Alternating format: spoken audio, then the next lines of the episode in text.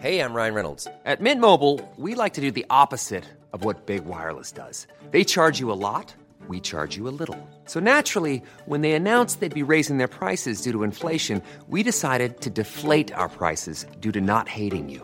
That's right. We're cutting the price of Mint Unlimited from $30 a month to just $15 a month. Give it a try at mintmobile.com slash switch. $45 upfront for three months plus taxes and fees. Promo rate for new customers for limited time. Unlimited more than 40 gigabytes per month. Slows. Full terms at mintmobile.com.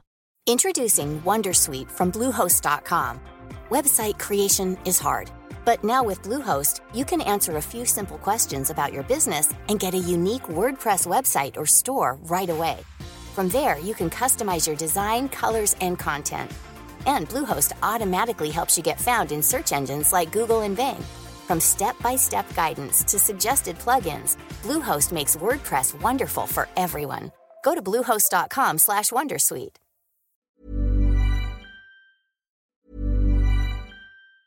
Say hello to a new era of mental health care. Cerebral is here to help you achieve your mental wellness goals with professional therapy and medication management support. 100% online. You'll experience the all new Cerebral Way, an innovative approach to mental wellness designed around you. You'll get a personalized treatment plan from a therapist, prescriber, or both in a safe and judgment free space. Your cerebral therapist or prescriber will outline a customized plan with clear milestones along the way so you can get to feeling your best. With Cerebral, you're not alone in your mental health journey. We're here to empower you to live a fulfilling life. So take that first step towards a brighter future and sign up today at cerebral.com slash podcast and use code ACAST to get 15% off your first month. Offer only valid on monthly plans. Other exclusions may apply. Offer ends July 31st, 2024. See site for details. Introducing Wondersuite from Bluehost.com. Website creation is hard, but now with Bluehost, you can answer a few simple questions about your business and get a unique WordPress website or store right away. From there, you can customize your design, colors, and content. And Bluehost automatically helps you get found in search engines like Google and Bing. From step-by-step guidance to suggested plugins, Bluehost makes WordPress wonderful for everyone. Go to bluehost.com/wondersuite. Velkommen til Moskva. Jeg er Per Anders Johansen og er korrespondent for Aftenposten. Og sammen med meg har jeg min far, Jan Otto Johansen. Eh, Vi er tilbake på gamle trakter eh, og sitter utenfor vår eh, leilighet hvor vi bodde på 70-tallet. Og temaet for denne podkasten er hverdagsliv for russere og kunsten å overleve som russer. Og ja, hva tenker du når vi er tilbake her nå etter nesten 40 år? Jo, her er det utrolig meget pusset opp. Og jeg har inntrykk av at nå fungerer heisene. Det gjorde de jo ikke den gangen. Når vi hadde gjester, så hendte det, oss selv også, at vi måtte krabbe opp 15 etasjer til den siste leiligheten vi hadde. Og det var slitsomt. Eh, Jeg hadde jo også høydeskrekk, og likte jo ikke å eh, gå ut på balkongen. Både bikkja og jeg la oss flate, men det hendte jeg grillet. Det var jo heller ikke lovlig. Alt var mye enklere den gangen, men den menneskeligheten vi opplevde eh, Ikke fra de som bodde her, for det var utlendinger, men fra russere i nabolaget, den var genuin.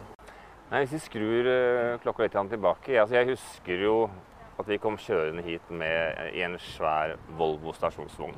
Og ingen ante jo Iallfall ikke innen av oss barna ante hva som ventet oss. Men mitt eh, første sjokk var jo at alt virket så stort. Vi kom jo til en svær by med over ti millioner mennesker den gangen, vel. Eh, Ja da, vi var jo ikke vant til slike høyblokk hele tiden. Høyblokkene i Oslo var jo mye mindre. Alt var stort. Eh, også det området som omfattet Moskva, med alle disse ringveiene og sirklene, ja, det var stort. Men det Russland var jo stor. Sovjetunionen, det var jo da den gang mange flere tidssoner enn nå, helt fra Finskebukta til eh, bort til Beringstredet. Men eh, er det sant det at du fant en mikrofon eh, i leiligheten vår? Ikke én, mange. Eh, ja, Hvordan oppdaget du det? Jo, da vi skulle tapetsere veggene og male, og da ramla mikrofonene ut. Og de gikk døgnet rundt og tok opp alt det skvaldret som en familie på seks pluss bjeffinga fra ei bikkje Og de ble oversatt til russisk. Da skjønte jeg at dette her måtte gå galt for den sovjetiske supermakten. For de hadde, klarte ikke å fordøye det, mens amerikanerne for lengst hadde maskiner som uh, ordnet opp i sånt. Nei, det var helt uh, ufattelig. Nei, så I den blokken vi bodde, så bodde jo da bare utlendinger. Og de samlet oss jo et sted for å ha litt uh, oversikt Ja. Og kontroll med oss. Men her fikk de ikke full kontroll, fordi inne i byen der var det store gjerder, og du måtte ved en passering. Her var det like øh, bak hvor jeg er nå, så var det en vakt i ei bu. Men vi sørget alltid for at det lå en flaske vodka til ham. Så han var som regel pæra full. Når han var full, da brydde han seg jo ikke noe om hvem som kom og gikk. Men det andre store sjokket vårt var jo da eh, å bli sendt på skole. Og det du og mamma hadde da, fant på, da, det var jo å sende oss på en russisk skole. Det var jo ingen andre eh, av eh, de vestlige ungdommene som ble utsatt for noe sånt. De ble jo kjørt med sjåfør over til den amerikanske skolen. Altså, Hva tenkte dere på når dere sendte meg og mine søsken av gårde på denne lokale russiske skolen? Vi gjorde ikke det for å plage dere, og dere var jo veldig sinte og syntes vi var fryktelig slemme. Men jeg hadde en følelse av at det var måten som du ville lære, dere ville lære russisk på. Og etter tre måneder snakket dere russisk helt uten aksent. Meget effektivt, selv om jeg skjønner at det var fryktelig hardt for dere den første tiden. Eh, ja, jeg angrer ikke for at vi gjorde det. Og jeg tror ikke dere tok så veldig mye skade av det. Jeg er jo litt i tvil om vi fikk litt varig men av det første møtet med sovjetisk skole. Det var jo en ganske hard eh, disiplin. Alle måtte vi ha uniform. Og jeg ble jo da behandlet som en eh, ungpioner. Ja, men altså poenget Dere fikk lære noe. For det første, på denne påtvungne måten lærte dere russisk helt feilfritt. Men dere hadde veldig god undervisning etter hvert i matematikk og i fysikk. Og i naturfag. Det er jo først nå i våre dager at de til og med har satt opp økologi som fag ved denne skolen. Det syns jeg er litt, eh, litt fint. Du var ikke bekymret for at vi skulle gå bort og bli eh, kommunister? da, rett og slett? Jeg ser jo du sitter her med et eh, kort jeg lagde til deg den gangen. Hvor, ja, Hva er det som står der? Ja, du ser det er bilde av meg og sovjetstjernen, og bak står det Pastraljajem, Njom Sovjetskij Army. Det var 23. november 77. Ja, så Jeg gratulerte altså min far med dagen til den sovjetiske armé. Ja, det var sånn som det ble flasket opp med. Men det var mindre kommunister i forhold til folketallet i Sovjetunionen og Russland enn det var i Norge. For de trodde jo ikke noe på det. De aller fleste trodde ikke på det. Og de bare spilte med. Så at dere skulle bli kommunister, det var vi jo ikke de minste redde for. Men selvfølgelig, det var jo veldig mange i Norge som ikke likte det jeg gjorde. For de syntes ikke jeg svartmalte russernes liv og virksomhet nok. Og eh, mange år etterpå, da jeg var formann i Kunstnerforeningen, så la Wenche Foss armen om meg. Vi var på turné på Vestlandet og sa ja, nå, så jeg som trodde at du var sovjetisk spion, for jeg leste jo det i Farmann og Morgenbladet. Noe så dumt, da. Du bare viste oss ekte russere, sa på oss. Men det ekte russiske livet som vi møtte, eh, det husker jeg godt. Det var jo et liv med en levestandard som lå langt under det vi var vant til. Eh, Folk bodde fryktelig trangt. De som ble våre venner her, var jo egentlig privilegerte, for de hadde jo det minste fått tildelt en leilighet av staten. Men eh, det var jo Ja, butikkene her manglet varer, og vi, hvis vi skulle ha våre Skal vi si ha, ha det vi trengte til vårt uh, hushold, så måtte vi kjøre av gårde på spesielle butikker. Ja, det Birjosjka, det var kupongbutikker, eller vi reiste til eh, Helsingfors til Stokmann. Men det vi opplevde den gangen, var at russerne hjalp hverandre. De hadde noen svære nett som het avoska. Og når plutselig ting ble kastet ut, altså uttrykket ble brukt kastet ut, ved at det plutselig oppsto varer som de ikke hadde sett på måneder, kanskje år i en butikk, så gikk det fort unna. Da kjøpte de opp alt, fylte opp og hadde med til familie, til kolleger, til venner osv. Så, videre.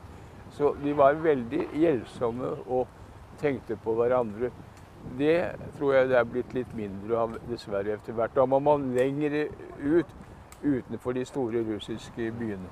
Men for å bare snakke litt mer om det sovjetiske hverdagslivet. Jeg er litt opptatt av det nå, jeg, særlig i disse tider fordi at uh, uh, mange russere i dag de prøver å late som om sovjettiden egentlig var en ganske fin tid. Uh, men vi opplevde jo selv at denne fasaden som man prøvde å opprettholde der, var en ren løgn. De lå langt bak oss på alle mulige måter. Jeg bare husker når vi var ute og kjørte med bilen vår. Det var jo opp opptøyer nesten rundt bilen hver gang vi stoppet for å fylle bensin, fordi at alle ville ha tyggegummi. Tyggegummi var ikke mulig å oppdrive. Eh, hvis vi, vi Nei, det er, det, det, Hva er ditt eksempel? Det er helt riktig, det. Men eh, jeg tror ikke det i grunnen var et hovedpoeng. Hovedpoenget var at russerne de levde i en virkelighet og kjente jo ikke noen annen virkelighet. Eh, de visste jo ikke hvordan det var i Vesten. Så eh, innsynet i våre vestlige samfunn var jo stengt for dem. Det, det, må man ta i betraktning. slik at det du ikke vet, har du kanskje ikke vondt av. Men som sagt, kommunister var de overhodet ikke. Og de i vest som mente at dette var et totalitært samfunn, de ante ikke hva de snakket om. Det var drømmen, det, fra ledernes side, men det ble aldri totalitært. Folk levde sine egne liv på mange forskjellige måter. Og dermed var det mange virkeligheter på én og samme tid. Ja. Jeg husker vi, Du utstyrte jo også med uh, ishockeykøller fra Polen og Finland. Ja. Og det var det jo ingen andre som hadde her nede på Rett nedenfor oss ligger det en kunstig innsjø ja, hvor vi gikk på skøyter og spilte hockey. Så det var jo flere ganger jeg havnet i slåsskamp når jeg prøvde å forhindre at russere, russiske unger stjal uh, tingene. Eh, og det var en gang så løp jeg faktisk på skøyter gjennom hele skogen der ja. før jeg klarte å ta den igjen. Ja, altså, det var en uh, Jeg husker iallfall det bildet av at uh, av at de materielt ønsket veldig mye av det vi hadde. så mye at de stjal det.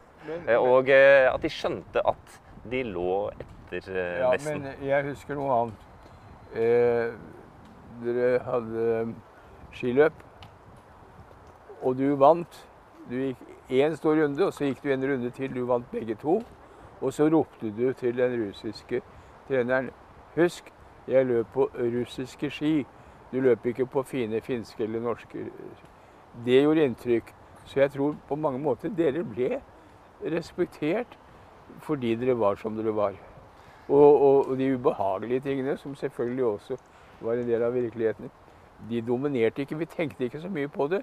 Jeg måtte jo som korrespondent og overvåket person være mye mer på vakt enn dere var.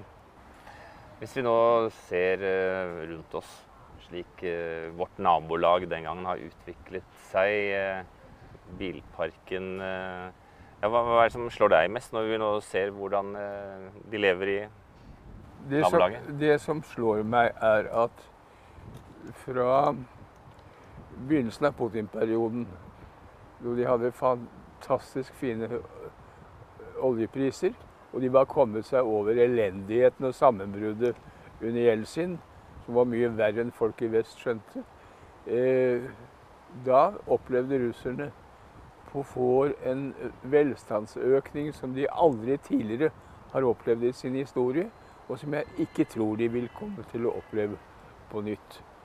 Det er hva vi ser resultatene av dette her. Og det er veldig sjelden du ser gamle stygge biler. Det mange østeuropeiske land.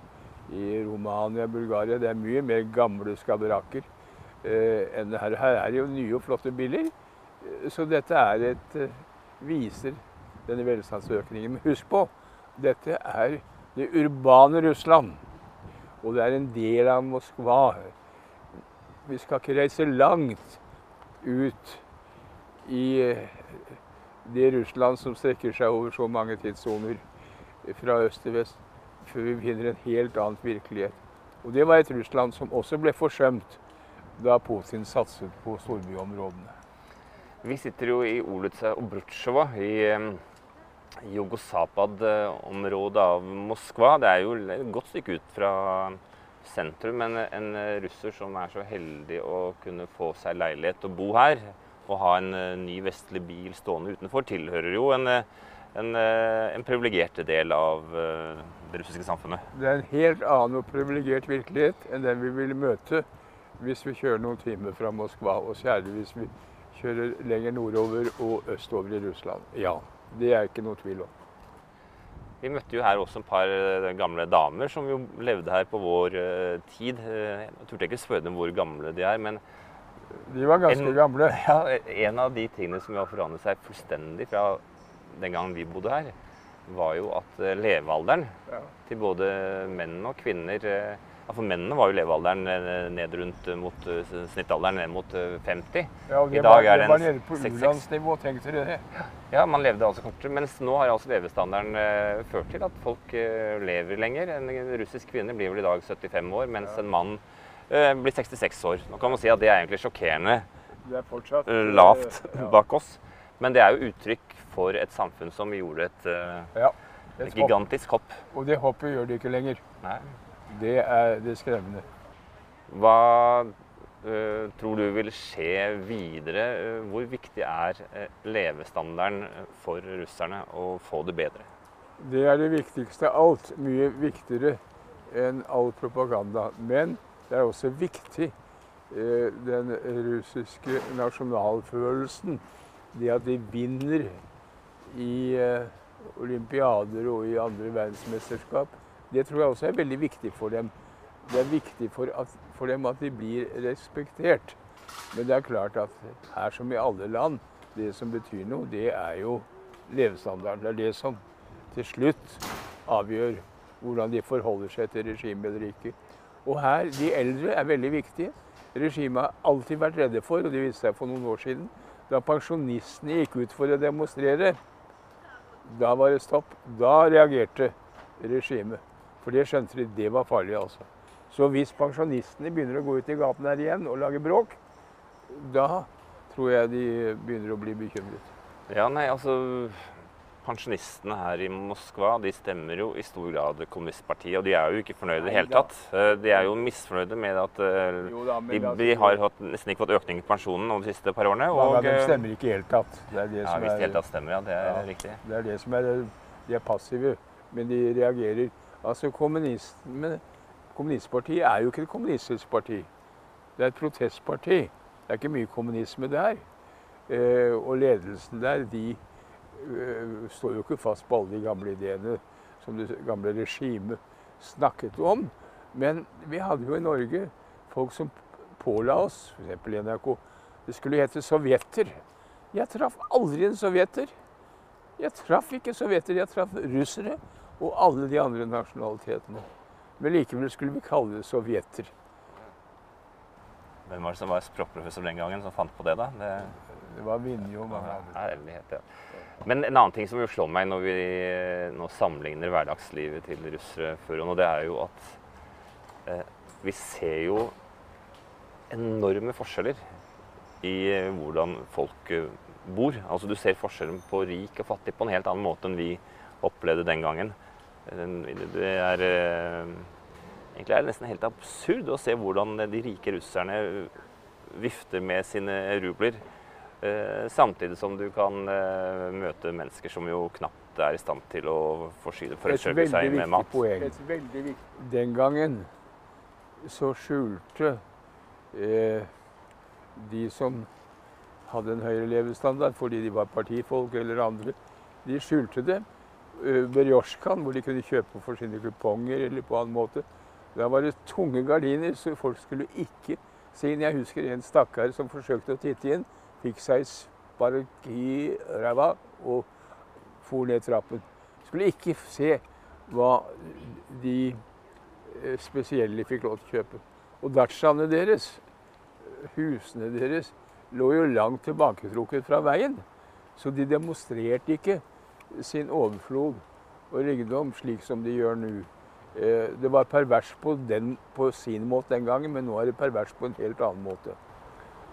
Men jeg lurer jo på hvordan russerne i hele tatt finner seg i dette her. Fordi at eh, etter alle målinger og alle måter å måle forskjell på, så er jo Russland eh, et av de mest ekstreme landene i verden når det gjelder forskjell. Det er en, altså, du er en litt over 120-130 familier eier altså nå over 30% av eh, Russland, og de viser det. I nabolaget der hvor vi bor nå, så holder de jo det ene oligarkbryllupet til en, en, muslimsk oligark som eh, brukte 400-500 millioner kroner på sitt bryllup, eh, og viser det.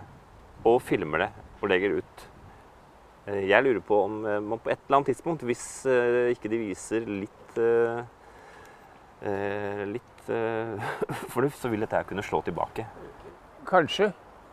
Å spå fremtiden, det har jeg alltid vært meget forsiktig som utenriksmedarbeider. Det får andre gjøre. Men vi skal ikke glemme at russerne har gjennom hele sin historie vært et meget tålmodig folk. De har funnet seg i ting som ingen andre ville ha gjort. De har holdt ut lidelser som andre ville ha bukket under. Og det er derfor du har også det synet på den, det de kaller den store fedrelandskrigen, som tok nesten 30 millioner. Eh, det vet vi altfor lite om i vest. På den annen side så får jo russerne ikke høre noe om Lennon Lees, den svære amerikanske hjelpen, konvoiene til eh, Murmansk og Arkangelsk. Eh, så, så det er en fortegnelse av virkeligheten der. Men hovedpoenget er at russerne har gjennom sin historie måttet tåle ting og har holdt ut ting som få andre folk ville ha gjort uten å gjøre opprør. Hvis vi bare summerer opp, eh, hva er, eh, hva er kunsten å overleve som en russer? Kunsten å overleve som en russer, det er å tilpasse seg. Ta det som kommer, gjøre det beste ut av det. Og holde på sterke familiebånd og vennebånd. Det er kunsten å overleve som en russer. Der setter vi stopp.